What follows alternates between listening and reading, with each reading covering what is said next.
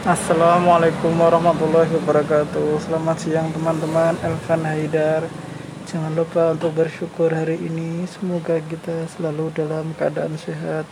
Semoga kita selalu dilindungi oleh Allah subhanahu wa ta'ala. Semoga kita selalu bisa tegar dalam menghadapi masalah yang bertubi datang kepada kita. Dan semoga kita diberikan ganjaran yang setimpal oleh Allah Subhanahu wa taala Jangan menyerah, tetap semangat dan tetap jaga kesehatan. Assalamualaikum warahmatullahi wabarakatuh.